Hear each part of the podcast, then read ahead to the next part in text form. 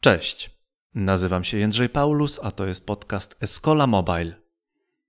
Niezależnie od tego, czy już chodzimy do uniwersytetu, szkoły, uczestniczymy w szkoleniach, poczuliśmy siłę e-learningu i mobile learningu. Escola Mobile. Biznes masz w kieszeni. Jak pod wpływem epidemii zmienił się świat szkoleń? Jak się zmienił świat HR-u? I czy digital learning różni się w metodyce od zwykłego nauczania? Porozmawiamy także o mobile learningu. Bardzo ciekawy jest wątek mobile learningu jako technologii, ale również jako zmiany zachowań użytkowników. Mobile learning w pracy. Czym się różni od mobile learningu w domu? To jest tylko kilka zagadnień, o które Krzysztof Wojewodzic spyta Martę Machalską z iPro. Jeśli jakiś z fragmentów wydaje Ci się szczególnie ciekawy, udostępnij ten podcast na swoich social mediach, na Facebooku, Twitterze, LinkedInie. Możesz opowiedzieć o nim swoim znajomym. Być może ktoś z nich interesuje się mobile learningiem. Jeśli używasz ekosystemu Apple, będzie nam bardzo miło, jeśli zostawisz nam 5 gwiazdek i fajną recenzję. Zapraszamy do słuchania. Dzień dobry, dzień dobry. Witamy wszystkich w Escola Mobile Live. A ze mną jest nie kto inny jak Marta Machalska, szefowa firmy i właścicielka firmy iPro. Cześć. E, cześć, cześć Krzysztof, dzień dobry wszystkim, cześć wszystkim. E, współwłaścicielka iPro, bo jestem współwłaścicielem iPro, a nie wyłącznym właścicielem. E, także no, to taki drobiazg. Także cześć wszystkim. Dobrze, to powiedz, hmm. nam, to powiedz nam, czym zajmuje się Twoja firma? Dla tych, którzy nie mieli jeszcze okazji Cię poznać. Mhm. Moja firma zajmuje się wszystkim, co jest związane z e-learningiem, a tak naprawdę digital learningiem, bo e, nie lubię słowa e-learning od jakiegoś czasu, który się dość mocno mm, zdewaluował poprzez to, że e-learningiem e, zaczęto nazywać się jakby całokształt działań, które faktycznie można nazwać szerzej poprzez digital learning. A digital learning to nie są tylko pojedyncze narzędzia, filozofia pracy e, i uczenia się w niej. Także e, moja firma zajmuje się e, digital learningiem, czyli projektowaniem e-learningu, e, narzędzi mm, kontentu szkoleniowych, od takich mm, prostych do bardzo, bardzo zaawansowanych gier i właściwie gier wideo. Wykorzystujemy technologię 3D, projektujemy aplikacje do wirtualnej rzeczywistości, czyli od, wychodząc od prostych aplikacji, prostych e, e, materiałów multimedialnych, aż do bardzo zaawansowanych środowisk imersyjnych z wykorzystaniem technologii VR. I tyle. To brzmi wszystko bardzo mądrze, a powiedz mi, czy możesz podać przykłady jakichś klientów i albo na przykład przykład jednej z realizacji, którą ostatnio robiliście? Coś, gdzie nie taką... masz podpisanej klauzuli o super sekretności. Generalnie wszystkie mm, e, projekty gdzieś tam trzymamy głęboko w sercu i głównie o nich rozmawiamy z, z klientami. E, ale mogę się pochwalić, bo o tym właściwie e, też mówili klienci sami się nimi chwalili. Takim projektem, mm, można powiedzieć, nie tyle ostatnim, bo tych projektów realizujemy dość dużo, ale takim projektem ważnym też medialnie i rynkowo E, a też budującym, myślę, nowy paradygmat uczenia się. E, to jest projekt, który realizujemy wraz z naszym klientem, partnerem Geronimo Martins. Uczymy piec, e, wypiekać pieczywo w sklepach w sposób taki, jaki uczą się na przykład piloci F-16 pilotować samoloty. Czy, czy ja dobrze dokładnie w pełnej że, czy ja dobrze zrozumiałem, że zrobiliście symulator pieczenia chleba dla Biedronki, tak? Tak, no tak można w dużym skrócie mm, to powiedzieć, tak? Czyli stworzyliśmy absolutnie wirtualny świat, sztucznie, czyli zgodnie z definicją wirtualnej rzeczywistości. Wygenerowaliśmy wirtualną rzeczywistość w pełnym 3D, w której, umieści, w której umieszczamy e, obiekty, z którymi użytkownik wchodzi w interakcję poprzez to, że ma na głowie headset VR-owy i w ręku kontrolery. E, pewnie wszystko zmierza, pewnie wszystko zmierza ku temu, żeby pozbyć się kontrolerów za jakiś czas, bo technologia się bardzo mocno rozwija.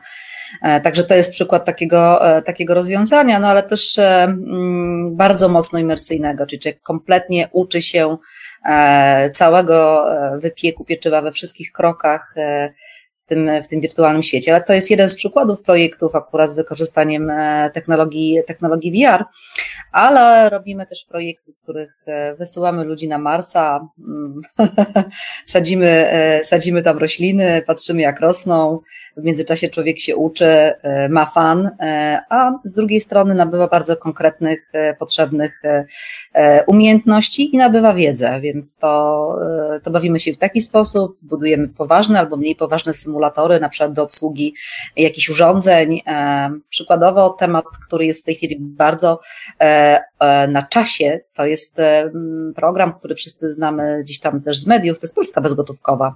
Uczymy na przykład naszych mm, partnerów, klientów, na zlecenie naszych klientów bezpośrednich, jak obsługiwać terminale tworząc bardzo zaawansowane symulatory tych urządzeń. To jako jeden z przykładów, ale też uczymy jak być asertywnym i przynosić cały, e, całą bajkę do świata zwierząt e, i w odniesieniu do, mm, do zachowań świata w świecie zwierząt e, uczyć ludzi jak być asertywnym na przykład, albo jak komunikować się po partnersku, albo jak na przykład być ok, jeśli chodzi o zasady i procedury funkcjonujące w firmie. I do tego też projektujemy odpowiednie narzędzia szkoleniowe, ale to wszystko w formule digital learning.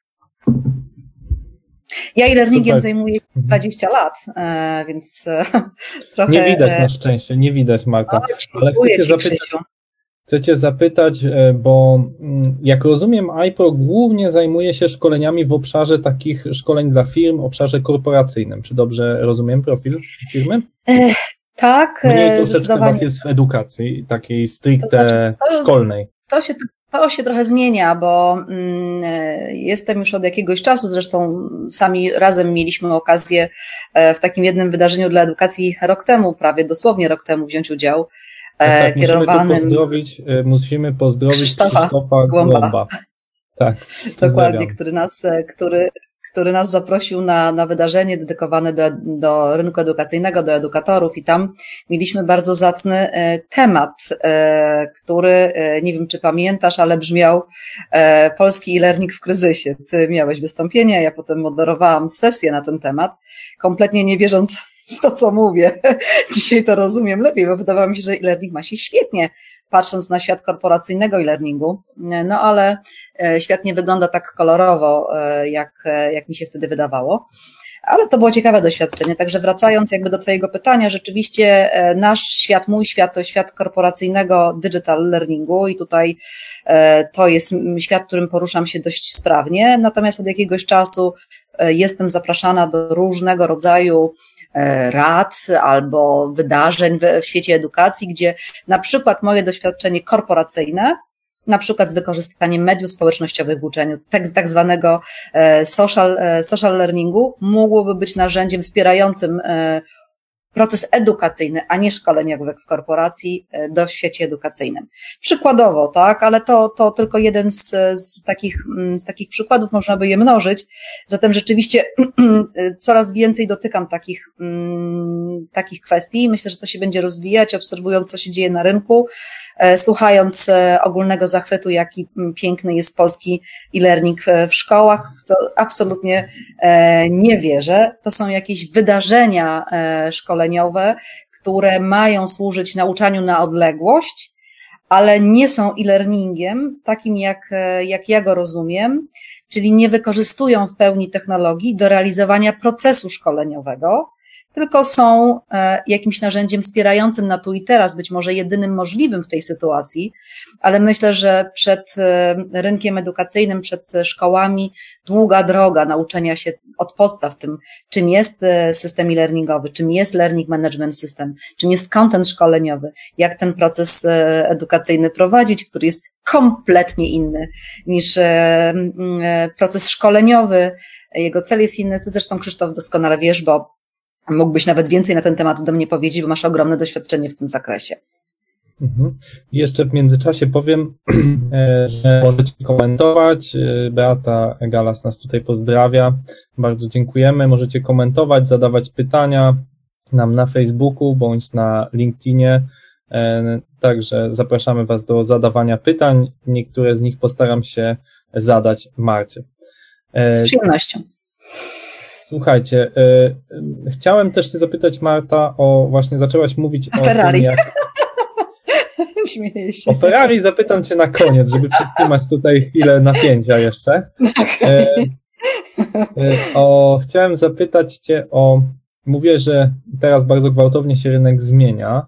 Jestem ciekaw, jak Ty obserwujesz, będąc w środku tego tygla, pewnie podobnie jak ja dostałaś setki telefonów, e, a przynajmniej dziesiątki telefonów. Marto, Marto, E, nauczanie zdalne, co robić, albo jestem dyrektorem e-learningu właśnie przykładowo w takim Geronimo Martins i teraz nagle przez 10 lat siedziałam schowana i nikt się nie interesował moją pracą, a teraz nagle wszyscy się interesują moją pracą. Marto, Marto, co robić? Więc ciekaw jestem Twoich y, odczuć tutaj. Znaczy, przykład tego klienta nie jest dobry, bo tam myślę, że, że można by się bardzo dużo nauczyć od tego konkretnego klienta, ale, e, ale rzeczywiście e, takie sytuacje mają miejsce. Zaznaczę jakby trzykierunkowe bym powiedziała. Jak, jak mam mówić o tych telefonach, które odbieram, to, e, to odbieram je od jakby trzech różnych grup od, potrzebujących, takich nazwijmy. Tak, z jednej strony to są faktycznie klienci, którzy, z którymi współpracuję już i mówią, wiesz Marta, mieliśmy szkolenia w formie e, jakiejś tam stacjonarnej, mieliśmy do tego jakiś learning, a teraz no wiadomo, siłą rzeczy wszystko musimy e, przenieść, no i teraz jak to zrobić, tak? Ja mówię na pewno czego nie robić, czyli nie przenosić wszystkiego jeden do jeden. Tak, czyli na przykład nie sadzać ludzi w związku z tym na przykład na 8 godzin przed monitorem komputera i kazać słuchać wykładu przeniesionego z sali do e, sali wirtualnej, czy tam wirtualnej A, klasy. Albo obserwować, czy pracują faktycznie, bo takie też słyszałam e, tak, akcje, tak, że tak. włączasz kamerkę pracownikom i patrzeć, czy czy pracują. Tak, tak, no to jest śledzenie, taka bardziej powiedziałabym inwigilacja, no ale no, różne są metody, jakby nie oceniam tego, ale, ale nie chcę tego oceniać, może tak, każdy robi jak mu w duszy gra, albo na to pozwala po prostu prawo.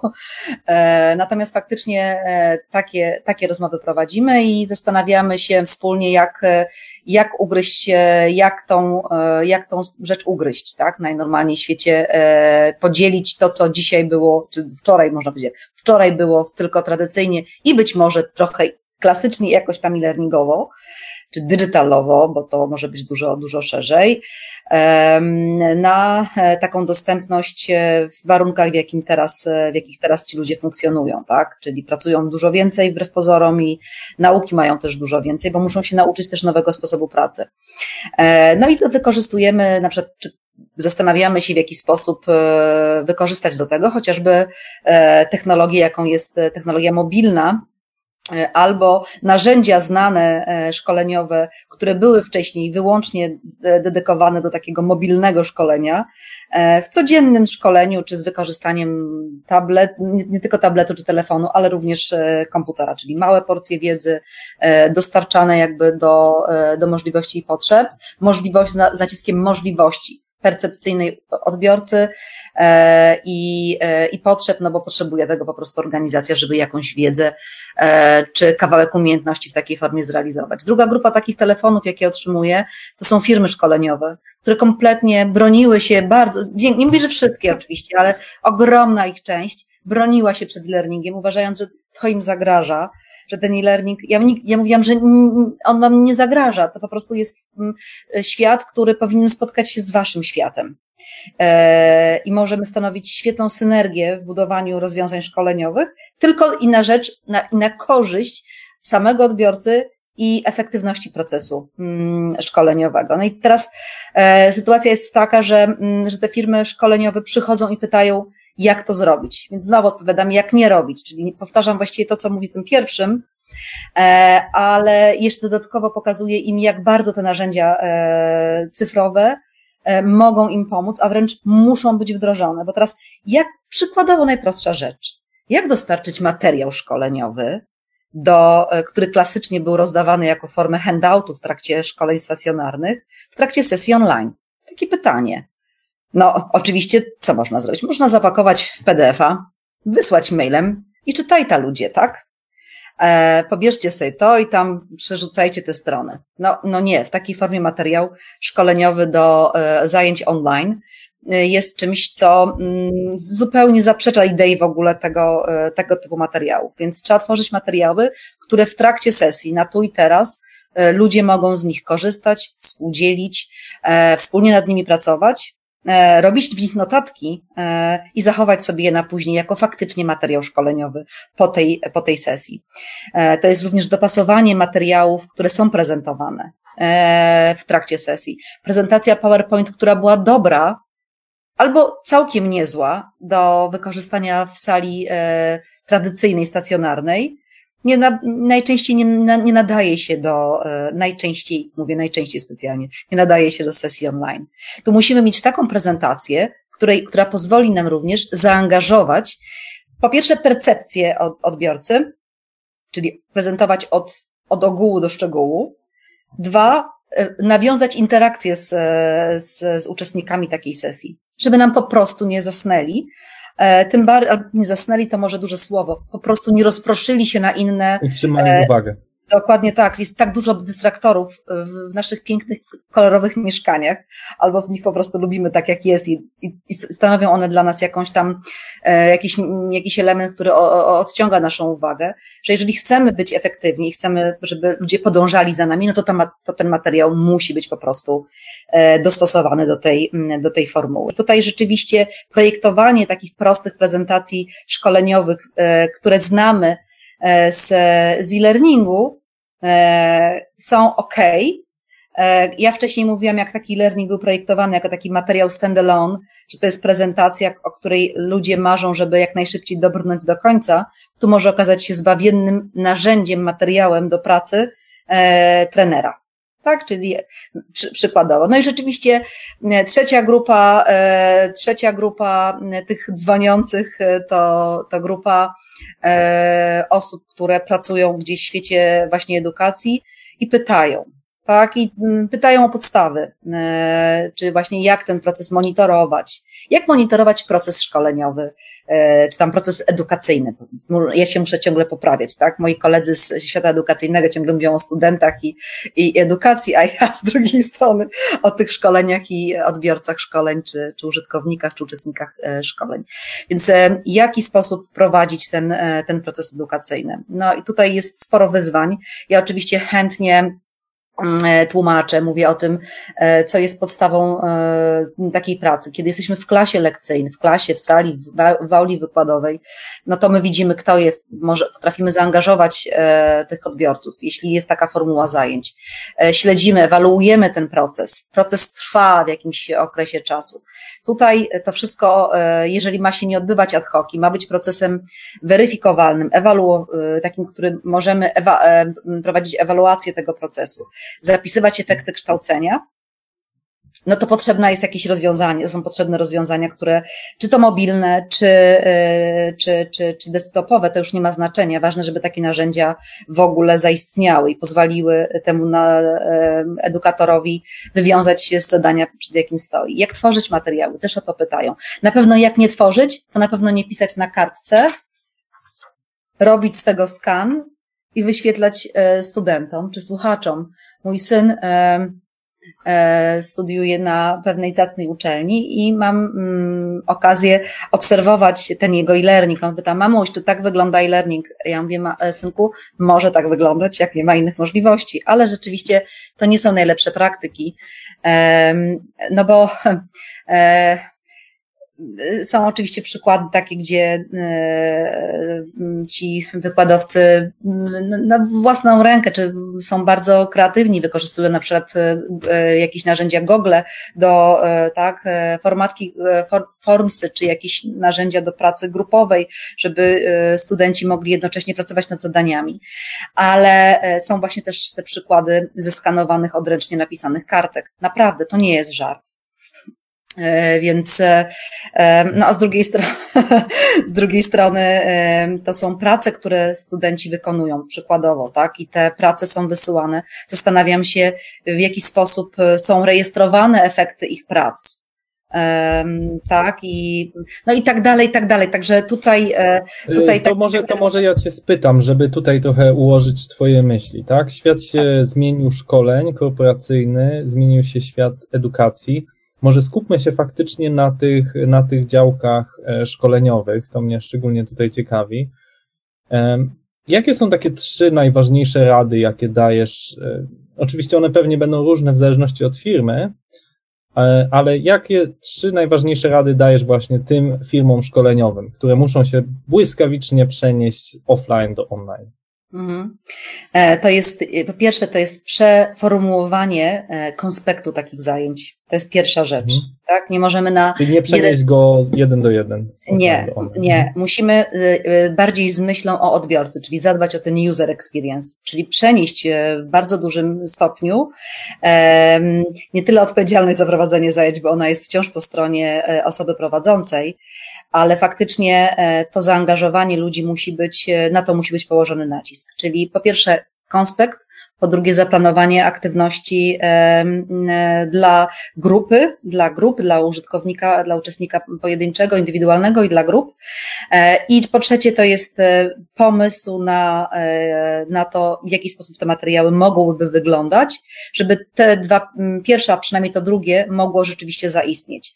To jest w tym zakresie tego trzeciego również, ale i właściwie tego każdego z tych punktów jest dobre rozpoznanie w boju narzędzia, E, z którego będę korzystał. E, to oczywiście nie technologia ma nam narzucić sposób prowadzenia e, mojej pracy, ale jest istotnym elementem tego całego wyzwania, więc dobrze, żebym się dobrze zorientował, co ja tak naprawdę, czym mogę dysponować i co mogę zrobić mm, w tym, czym na tą sesję, czy na, w mojej pracy będę korzystał. To są takie trzy, trzy główne rzeczy. E, e, trzy główne, trzy główne rady e, na początek, tak, to można każdą z nich rozwijać i iść w szczegóły każdej z nich, bo to nie jest banalna kwestia, tak, to, to nie można tego tak uprościć do, do tego, mm, co wymieniłam, ale to jest punkt wyjścia. Super, a tutaj jest takie dobre pytanie uzupełniające. Marta, Magda, przepraszam, pyta Magda. nas, jak skutecznie utrzymać odbior, uwagę odbiorców szkolenia online, tak? Bo faktycznie to nie jest, jak jesteśmy w sali, zawsze można zrobić tam e, e, jakieś głupią minę, można zawsze e, coś się powygłupiać ze szkoleniowcami, natomiast jestem ciekaw, jaki masz pomysły, jakie masz rady, żeby faktycznie e, utrzymać mm. tą uwagę jak najdłużej, jak najlepiej. Tak, w klasie, czy w sali wykładowej, w sali lekcyjnej, w sali e, szkoleniowej mamy grupę, tak jak e, słusznie zauważyłeś i wiemy, no to po prostu jest oczywiste. Mamy ludzi, mamy, mamy ich emocje, mamy grupę, mamy dynamikę tej grupy, więc możemy bardzo mocno reagować na to, co się, co się dzieje i stosownie do tego przyspieszać, zwalniać, włączać jakieś dodatkowe rzeczy. Tutaj tak się ad hoc nie da tego zrobić. E, w związku z tym chyba trochę odpowiedziałam też na to pytanie, mówiąc o tym, żeby jak zaangażować i jak tą uwagę e, utrzymać. No, utrzymać ją poprzez e, właśnie te interakcje, poprzez przerzucenie jak najwięcej zadań, czy to indywidualnych, czy grupowych, na, na uczestników narzędzia i to właściwie chyba większość tych narzędzi do, do pracy w wirtualnej klasie dają możliwość tworzenia grup, podgrup e, i prezentacji jakby wyników pracy e, czy tych osób pojedynczych, czy e, czy grup do, dla innych osób, czy dzielenia się tym, co żeśmy wypracowali. I to jest najciekawsze. Myślę, że to jest jedna rzecz. Możemy oczywiście wykorzystywać jakieś proste gry. Przecież też w internecie jest mnóstwo materiałów, które, e, które możemy, e, możemy wykorzystywać. Wystarczy tego wyszukać, tak? Jeżeli sami nie jesteśmy w stanie takich interaktywnych ćwiczeń.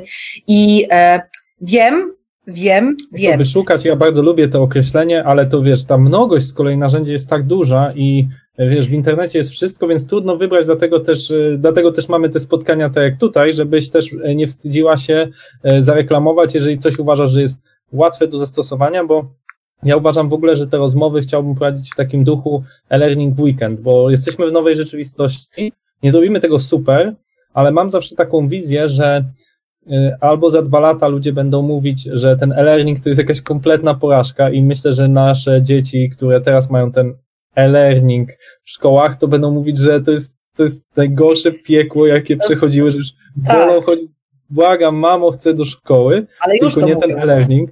Ale to już mówią. Mój też już no. mówi, ma 19 lat, ale już też to mówi, e, więc I to może być... I chcieli mieć e, właśnie nauczanie e, przez komputer, a teraz już po prostu wszystko, tylko nie komputer, tak?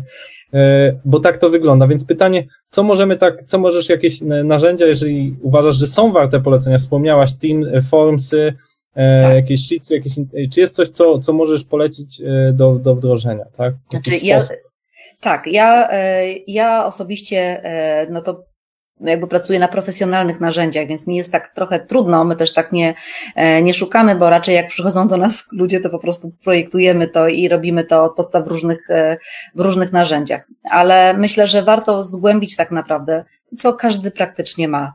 E, myślę, że PowerPoint, narzędzie, które znamy od bardzo dobrze, albo możemy je zgłębić, po prostu jego funkcjonalności zgłębić, daje wiele możliwości. E, więc, e, więc to, mm, to myślę na, na, na, pewno, na pewno tak. E, mm, to jest, to jest taka moja rada, tak? Jeżeli nie możemy sięgnąć do narzędzi profesjonalnych, sięgnijmy do tych, co, ma, co mamy. Dzisiaj myślę, że gro pomysłów to jest nasza własna wyobraźnia,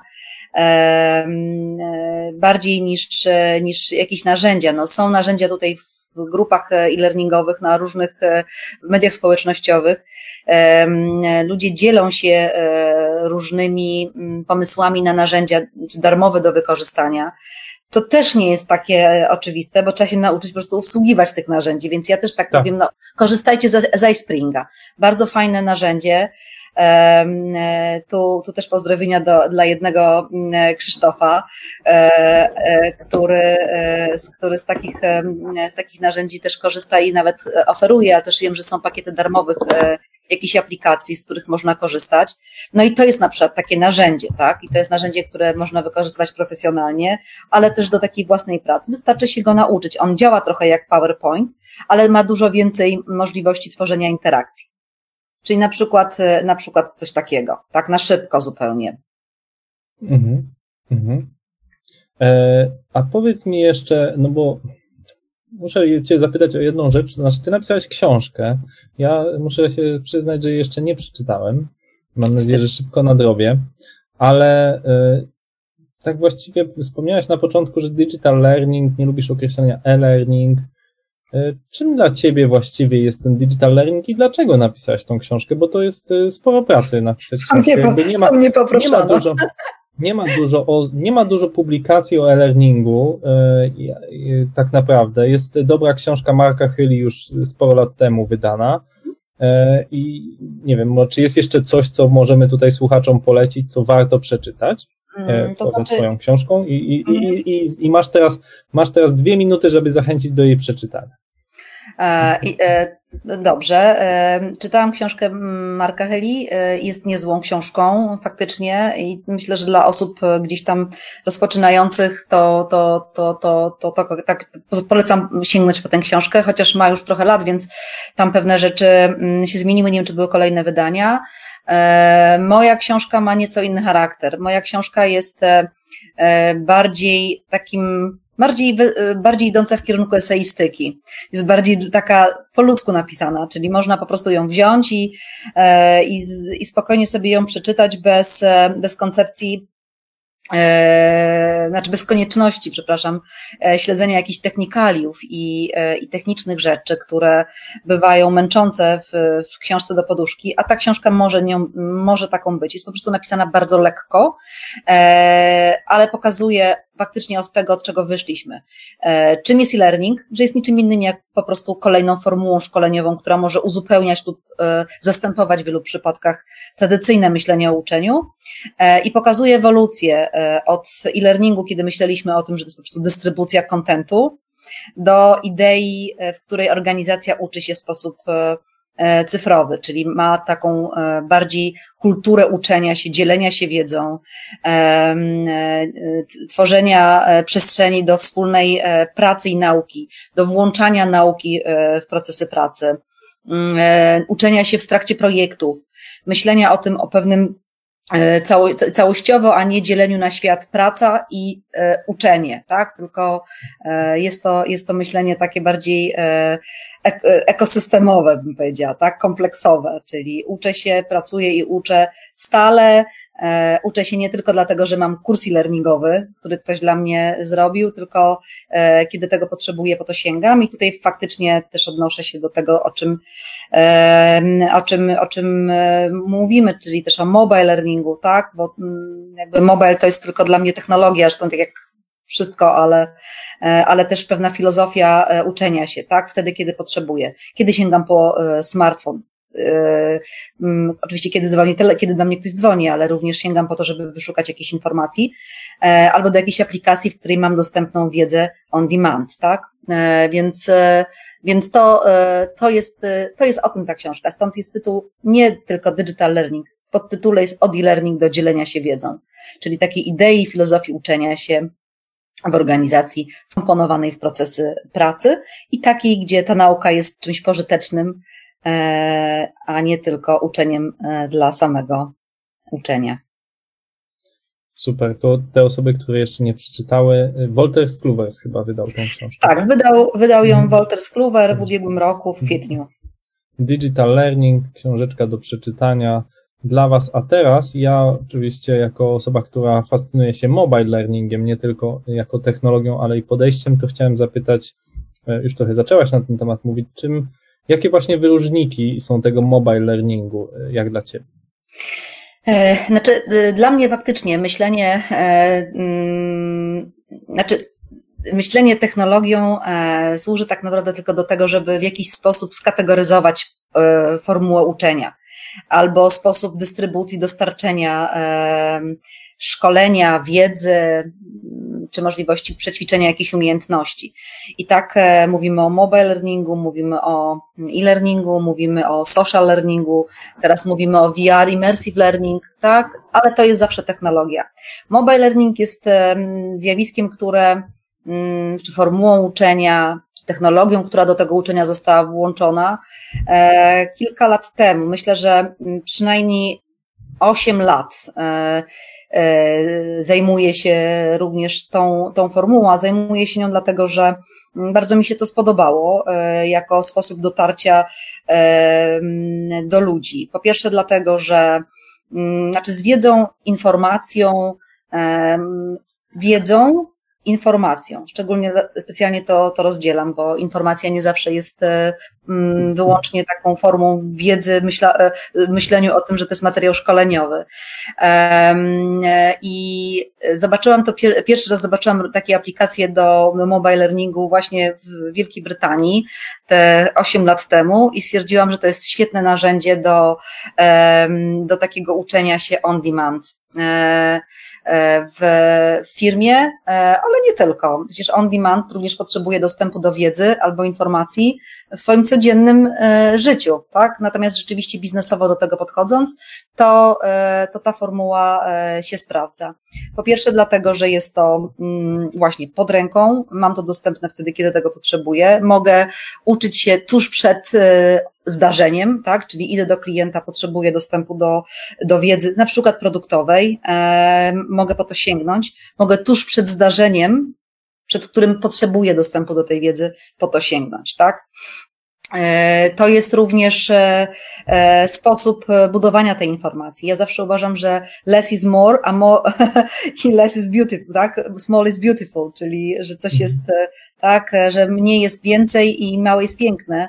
W związku z mhm. tym e, e, taka, e, taka formuła również wymaga takiego budowania kontentu, czy materi projektowania materiałów szkoleniowych, z których będę mogła w tej mobile formule skorzystać. No i znowu trzeci ważny element to jest takie no, totalne już odmiejscowienie, czyli uczę się wtedy, kiedy chcę, albo kiedy mam po prostu na to przestrzeń. E, w związku z tym e, mobile learning jest e, moim zdaniem wciąż super narzędziem czy technologią i formułą uczenia, czyli mobile jako technologia, a learning jako formuła uczenia do wykorzystania. I myślę, że tego wszystkiego, czego w ogóle e-learning nauczył się od, dzięki mobile learningowi, dzisiaj, dzisiaj się sprawdza, nawet w tych czasach, które właśnie tutaj nazwałeś takim mocno zmieniającym się światem, czasem. Strasznie nie lubię E-learning w weekend. E, learning, learning w weekend, tak, tak, że, że, że mobile learning nauczył trochę nowego podejścia w ogóle świata e-learningowego e, do projektowania materiałów e, i takiego mm, bardzo obiektowego traktowania tego, co chcemy ludziom, mówię obiektowego w sensie obiektów szkoleniowych, prostszych, krótszych, może nie prostszych, ale krótszych form, ukierunkowanych na mm, na, na konkretną potrzebę, tak, z myślą o tym doświadczeniu użytkownika, czyli nie zalewaniu go jakimiś wielkimi materiałami. Tak, Krzysztof, przepraszam, bo ja mogę długo o tym. Właśnie, właśnie chciałem Cię zapytać, jeżeli chodzi właśnie o metodykę, nie, nie o technologię, to chciałem Cię zapytać, w jaki sposób ten mobile zmienił właśnie podejście, tak, bo tu widać nie tylko, że są coraz lepsze smartfony, coraz więcej tych gadżetów, tak, zegarki czy hełmy, ale E, ja przynajmniej widzę taką zmianę w pewnym podejściu, tak? Podejściu do, do tego, jak działa, jak, jaką mamy interakcję z technologią, tak? Wcześniej to wyglądało tak, że siadamy i robimy dwugodzinne szkolenie. W tej chwili robimy cztery półgodzinne szkolenia, a być może 8 15 minutowych. To taki najprostszy przykład. A, a, a jak ty to widzisz? Jak ten znaczy, mobile znaczy, widzę, learning zmienił właśnie zachowania? Widzę, widzę, to dokładnie tak samo, ale też jakby obserwując w ogóle świat internetu yy, i świat mediów społecznościowych, e, i, e, i tego, że tak naprawdę dostęp i nasza uwaga, którą skupiamy w tym internecie, możemy spędzić w nim wiele godzin, ale tak naprawdę naszą uwagę skupiamy kilka minut na jakiejś jednej informacji, E, na danej umiejętności. E, w związku z tym, tak, e, te materiały muszą być, muszą być krótkie. Mało tego, nie gromadzimy dzisiaj wiedzy. Po co gromadzić wiedzę? Mm, ta wiedza bardzo szybko staje się nieaktualna, mm, więc gromadzenie wiedzy dzisiaj jest bez sensu. E, a aplikacje mobilne i w ogóle świat e, właśnie mobile e, ułatwia nam to ciągłe uczenie się wtedy, kiedy tego potrzebuję i, mm, i myślę, że te aplikacje, znaczy jestem przekonana, tak, że że, że mm, ten, ta formuła mobile temu na pewno bardzo mocno sprzyja. Nawet chętniej bym powiedziała, oduczamy się czegoś E, co do tej pory uznawaliśmy za mm, status quo, e, niż, e, znaczy oduczamy się chętniej wykorzystując urządzenie mobilne, niż siadając do komputera i gdzieś tam specjalnie mm, specjalnie bierzemy udział w jakimś ogromnych, ogromnym kursie learningowym, czy tam grzebiąc gdzieś w zasobach internetu. Aplikacje mobilne i w ogóle świat mobilnych urządzeń bardzo, jeszcze bardziej zdemokratyzował dostęp do wiedzy. Dobrze, to bardzo mi się podoba to określenie, zdemokratyzował e, dostęp do wiedzy. No to w tym demokratycznym świecie powiedz teraz osobiście od siebie, jakie są Twoje aplikacje edukacyjne, które lubisz, których używasz e, w swoim życiu. E, tak. Jak ja się uczę? Ja się uczę, znaczy w ogóle chyba bardziej by e, wyszło od pytania, jak ja się w ogóle uczę. Ja uczę się Street View. Mhm. Czyli ja uczę się dokładnie w taki sposób, że jest mi coś potrzebne, to biorę do ręki, e, do ręki to urządzenie i tego szukam. I właściwie robię to ciągle. Usłyszę jakieś e, hasło, usłyszę jakieś pojęcie i, i natychmiast szukam, szukam w sieci. E, czy to będzie LinkedIn Learning e, i to będą aplikacje e, tego typu, czy to będą po prostu kompletnie jakieś otwarte zasoby wiedzy. To chyba Beata mówiła o, o tym w poprzednim podcaście, jakie są dostępne zasoby. To ja tak się uczę po prostu. Ja w ogóle jestem mm, osobą bardzo dynamiczną i dla mnie spędzanie czasu godzinami po prostu przy czymś jednym to jest Mm, to, jest, to, graniczy z, y, to graniczy z cudem. E, e, ale na przykład chętnie coś przetestuję. Ja się uczę testując. Mm, czyli jeżeli ktoś mi coś mm, pokaże, da, mówi spróbuj, no to ja to szybko testuję i od razu wiem, czy to jest dla mnie, sprawdzam jak to działa, szukam informacji. I najczęściej to robię właśnie z moim iPhone'em Product Placement w ręku.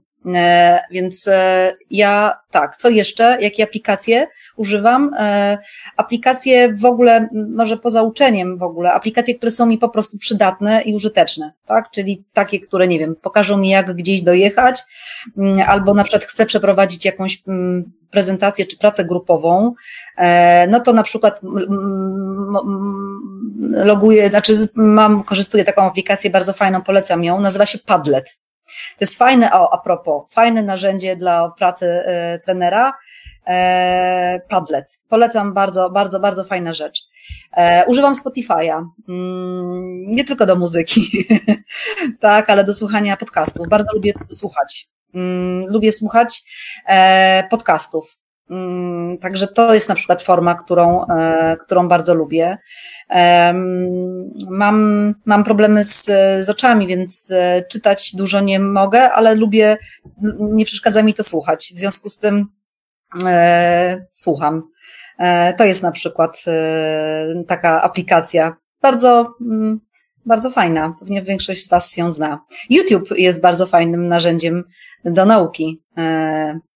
Możemy tworzyć takie własne YouTuby E, w organizacjach przecież e, i tam władować filmiki. Przecież każdy może zrobić szkolenie w ramach social learning, każdy może, może być e, szkoleniowcem, każdy może podzielić się wiedzą, każdy jest ekspertem w jakiejś dziedzinie, więc każdy może być dla kogoś czyli, innego czyli, trenerem, mentorem. Czyli, tak, social learning, tak? Uczymy się, uczymy się od siebie nawzajem. Tak.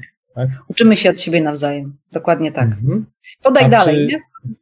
A czy są jakieś aplikacje, które mm, właśnie wykorzystujesz ze swoimi klientami już korporacyjnymi, albo coś, co jest ciekawego według Ciebie? Oczywiście w tej chwili wszystkie systemy learningowe mają swoje wersje mobilne, czy to Blackboard, It's Learning, czy dowolna Moodle tak samo mają swoje wersje mobilne, ale czy jest coś, co, co polecasz e, takiego mobilnego, nie wiem, tak jak ludzie używają e, Duolingo, czy jakichś innych takich? Czy są takie stricte korporacyjne, które, z którymi pracowałaś i uważasz, że są warte polecenia?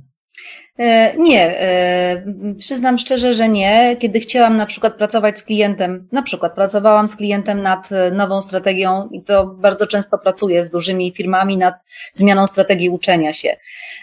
I mm, przykładowo Mm, zmieniamy, no zmieniamy model, tak, od e właśnie od e-learningu do, do, do social, do, do, samo, do samouczenia się i uczenia się w formule społecznościowej, to przykładowo budujemy własną grupę społecznościową zamkniętą na LinkedInie. Po co wymyślać na nowo koło, jak ono już tam jest? W związku z tym przykładowo wykorzystujemy po prostu dostępne już istniejące, e, już, już istniejące mm, narzędzia. W swojej codziennej pracy e, pracujemy z różnymi narzędziami. Slack, Riot, e, Google, e, różne narzędzia e, Google'a, mm, co jeszcze? Nie mam jakichś ulubionych, po prostu wykorzystujemy ich ciągle mnóstwo. Jesteśmy firmą, która mm, dynamicznie, że tak powiem, reaguje i, i wykorzystuje różne, mm, różne narzędzia, które są nam w danym momencie potrzebne, albo, ale nie wymyślamy na siłę niczego. Po prostu sięgamy po to, co jest. Jest bardzo dużo narzędzi różnych, wystarczy po prostu coś przetestować. Najczęściej jest tak, jak już coś przetestujemy i pasuje nam to, to nie szukamy kolejnych. I to nie jest lenistwo, tylko po prostu jest coś wygodne i, i z tego korzystamy. Teraz ostatnio non-stop korzystamy e, przynajmniej e, z trzech narzędzi do komunikacji, więc czasem zdarza się tak, że siedzę na telefonie, e, otwieram Riota, tam już trwa jakaś sesja, za chwilę włączam Blackboard Collaborate, i tam jakaś inna sesja, a jeszcze kolega, który siedzi w firmie, odpala e, Google Hangout i nagle okazuje się, że po prostu nie wiadomo, na którym narzędziu mamy się spotkać, więc to po prostu przełączamy dynamicznie. E, mm, tak to wygląda. Marta, jeszcze chcę Cię zapytać, e, tutaj mamy pytanie od Dawida, e, pewnie rozwiniesz temat, tak, storytellingu czy gamifikacji, jak dla mnie to dwa osobne tematy, więc może zajmijmy się na początek storytelling w digital learningu, jak można go wykorzystać. E, storytelling jest mi mniej e, bliski niż, niż gamifikacja, e, więc może bardziej o gamifikacji nie jestem specjalistą od storytellingu. Jeżeli uznać, że fabuły, które tworzymy i narracje, które tworzymy w jakichś nieliniowych rozwiązaniach szkoleniowych są storytellingiem, no to tak. Czyli na przykład. No, na pewno są, na pewno są. No to może nie nazywam tego w taki sposób, bo, bo jakoś bardzo lubię trzymać się ustalonych zasad czy definicji i wiem, że ludzie od storytellingu, gdybym zaczęła tutaj opowiadać takie rzeczy, mogliby się, mogłoby się okazać, że wiedzą, co ta Machalska opowiada. Więc jeżeli, e, odniosę się tylko do tego, więc jeżeli rzeczywiście nazywamy te fabuła, fabuły, które w nieliniowych jakichś e, kursach, czy szkoleniach, czy całych rozwiązaniach, czy całych gamifikacyjnych rozwiązaniach stosujemy, to tak, czyli wplatamy na przykład jakąś historię, e, zdarzenia szkoleniowe, Czyli historia jest abstrakcyjna kompletnie. Nie wiem, wysyłamy ludzi na Marsa, już mówiłam o tym Marsie, i rzeczywiście mam konkretną misję do wykonania, tak? Czyli mam na przykład e, znaleźć dla, e, dla ludzkości alternatywną Ziemię. No i niech tą Ziemią będzie Mars. No i bardzo wiarygodnie staramy się zbudować całą historię, e, opowiadając o tam różnych kraterach, które znajdują się na Marsie i dlaczego ta misja musi być zrealizowana i jakie zadania poszczególne e, stoją przede mną, łącznie z tym, że muszę oczywiście posiać, e, postawić specjalne szklarnie, w których posadzę rośliny, uruchomić zraszacze, żeby te tak sztucznie sprowadzoną wodę i tak dalej, i tak dalej. Tam w ogóle cała jest słyszałem, historia. Słyszałem, że Elon Musk gra w taką grę właśnie na żywo. Próbuję no, no widzicie, no to widzicie kolego, no to my prawie jak Elon e, robimy taki świat szko szkoleń i w, i w tym, e, i w tych, e, w tej fabule takiej abstrak trochę abstrakcyjnej, ale jednak e, w odniesionej do jakichś realiów e, na temat przykładowo tego Marsa, wplatamy zadania szkoleniowe. Nagrodą za, e, za zadanie e, szkoleniowe, przekazującą bardzo konkretną e, wiedzę, czy ćwiczącą konkretną umiejętność, ale już mniej sexy niż sama wyprawa na Marsa, nagrodą jest to, że w mojej fabularnej historii mm, może zdarzyć się kolejny krok. To jest to, co znamy z gier. To jest nic innego. I to jest ta warstwa fabularna, storytellingowa i, grywal, i, i mm, grywalna.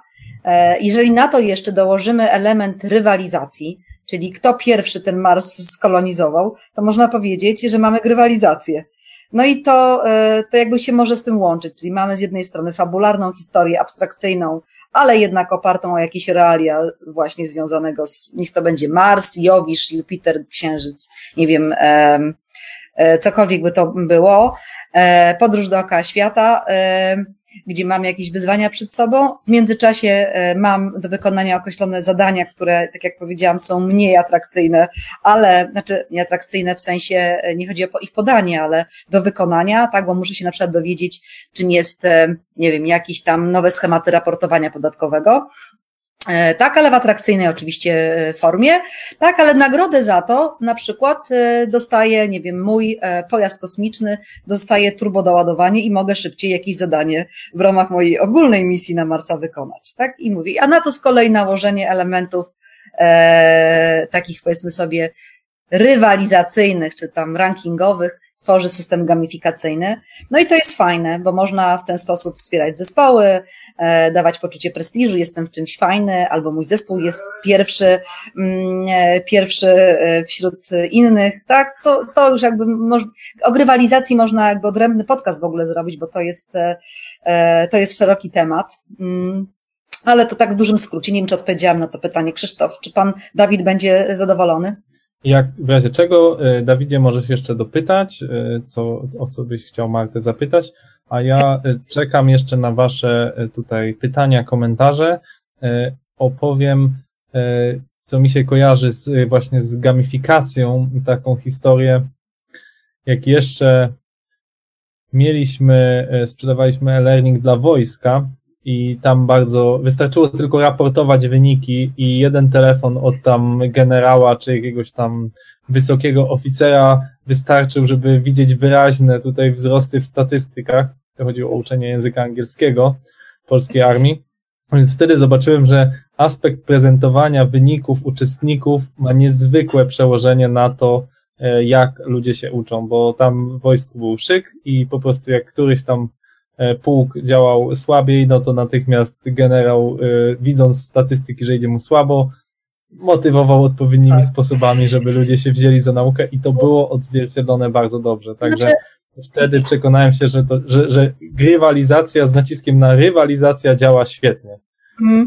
To znaczy, e, e, grywalizacja, warto tutaj dodać jedną rzecz, że grywalizacja mm, tylko wtedy ma e, jakby miejsce, kiedy jest to połączone we współpracy z innymi. To znaczy, ja widzę, co robią inni i jakby uczestniczę w tym, w tym procesie, jestem częścią czegoś, czegoś większego, tak? I to jest, i to jest, to jest grywalizacja, czyli tutaj takim klasycznym e-learningu tej grywalizacji, czyli współpracy, z naciskiem na współpracę z innymi e, nie da się zrealizować. Ale faktycznie pan oficer e, w tej armii e, odwołał się do, mm, do najbardziej banalnej, najbardziej banalnej kwestii związanej z budowaniem zaangażowania i, i motywacji, czyli strachu, tak? czyli uczcie się, bo jak nie, to będą konsekwencje. No i ci, ci biedni żołnierze, no po prostu ulegali temu w sposób oczywisty, e, no bo jak się boję, e, to mój strach e, powoduje, że mam motywację, żeby coś zrobić. No i jeszcze co ważne z tą grywalizacją, w organizacji z kolei, to ważne, żeby, żeby za tym w organizacji coś szło dalej, tak? Żeby nie kojarzyło się, że grywalizację wdrażam po to, żeby rozdać talony na przykład na czajniki. tak?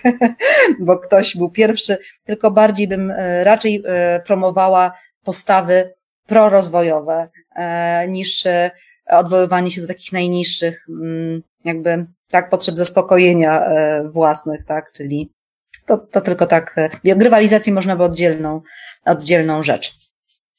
Mhm. E, dobrze, to e, zmierzając powoli do końca, mam jeszcze pytanie o Twoje Ferrari, bo pamiętam, że że powiedziałaś mi taką świetną historię, że ukradli ci samochód. I, i, I to jest właśnie historia, która mnie bardzo zmartwiła, ale ta historia miała happy end i chciałbym posłuchać, jaki właśnie miała happy end, żebyś tutaj się otworzyła przed słuchaczami historię twojego Ferrari. Tak, rzeczywiście, no tak, tak. E, no smutna historia, faktycznie w ubiegłym roku e, mniej więcej o tej porze skradziono e, mi samochód. No i to był całkiem fajny samochód, e, z którego byłam zadowolona. E, na początku trochę na niego marudziłam, stwierdziłam, że po co mi taki samochód, ale, ale ostatecznie polubiłam, polubiłam go, był bardzo miły i ładny. To niektórzy mówią, kobieta patrzy, czy, czy jest ładny. Jak wygląda silnik, jak ładnie, to wtedy jest fajny samochód. No i ten, ten miał bardzo ładny, ten silnik był w środku czerwony, a na zewnątrz biały. No i e, w którym się, e, w którymś momencie tak się stało właśnie, że zniknął. E, no i trzeba było organizować kolejny samochód, żebym mogła się czymś przemieszczać. No i postanowiłam, że pójdę w tym samym kierunku, ale zostałam namówiona na upgrade tego, mm, tego, tego którego miałam wcześniej, na którym narodziłam, że już mi nie był, nie był potrzebny. I pan powiedział, że, że będę bardzo zadowolona, jak będę miała samochód z silnikiem Ferrari. I to miało mi, i że sprzeda mi taki samochód, który jest w kolorze mojej torebki. E, no i tym samym e, stałam się kierowcą e, przemieszczającym się takim czerwonym samochodem mm, z silnikiem Ferrari. No, także jak widzicie, także jak widzicie i słyszycie, w e-learningu można dobrze żyć i cieszyć się życiem, a, a Marta, a chciałbym powiedzieć, że Marta, jak pytacie, teraz się cieszy, bo paliwo jest bardzo tanie, wszyscy korzystają z e-learningu, więc Marta ma ten swoje naprawdę dobry moment, tak? I, e, i tutaj mi się wydaje, że mamy piękne zakończenie od Małgorzaty. Dziękujemy za ten komentarz, że właśnie e, trzeba szukać sposobów na pozytywną motywację, a nie straszyć e-learningiem i, i, i myślę, że to jest piękne podsumowanie dla nauczycieli, dla szkoleniowców, którzy muszą w tej chwili błyskawicznie przejść na, na e-learning w weekend, ja bardzo Ci dziękuję, Marto, za Twój czas, za garść dobrych porad, e, które udzieliłaś mi i słuchaczom i mam nadzieję, że ta pozytywna energia e, zostanie z Wami wszystkimi. Ja bardzo dziękuję. E, bardzo miło, było mi miło, że mnie w ogóle zaprosiłeś i że mogłam podzielić się chociaż troszkę swoim doświadczeniem. Jeżeli ma ktoś z Was jakiekolwiek pytania, czy teraz to już nie zdążymy, ale po, to po prostu piszcie. E, tak, Marto, jak, jak Cię znaleźć? Jak Ciebie można znaleźć? Jak do Ciebie napisać? Można mnie znaleźć na, na Facebooku, e, można mnie znaleźć na LinkedInie. E, to tak najprościej. E, więc serdecznie, serdecznie zapraszam. Bardzo lubię dzielić się wiedzą. E, w związku z tym e, i radzić, poradzić. Jeżeli tylko jestem w stanie w czymś być pomocna, to bardzo chętnie to zrobię.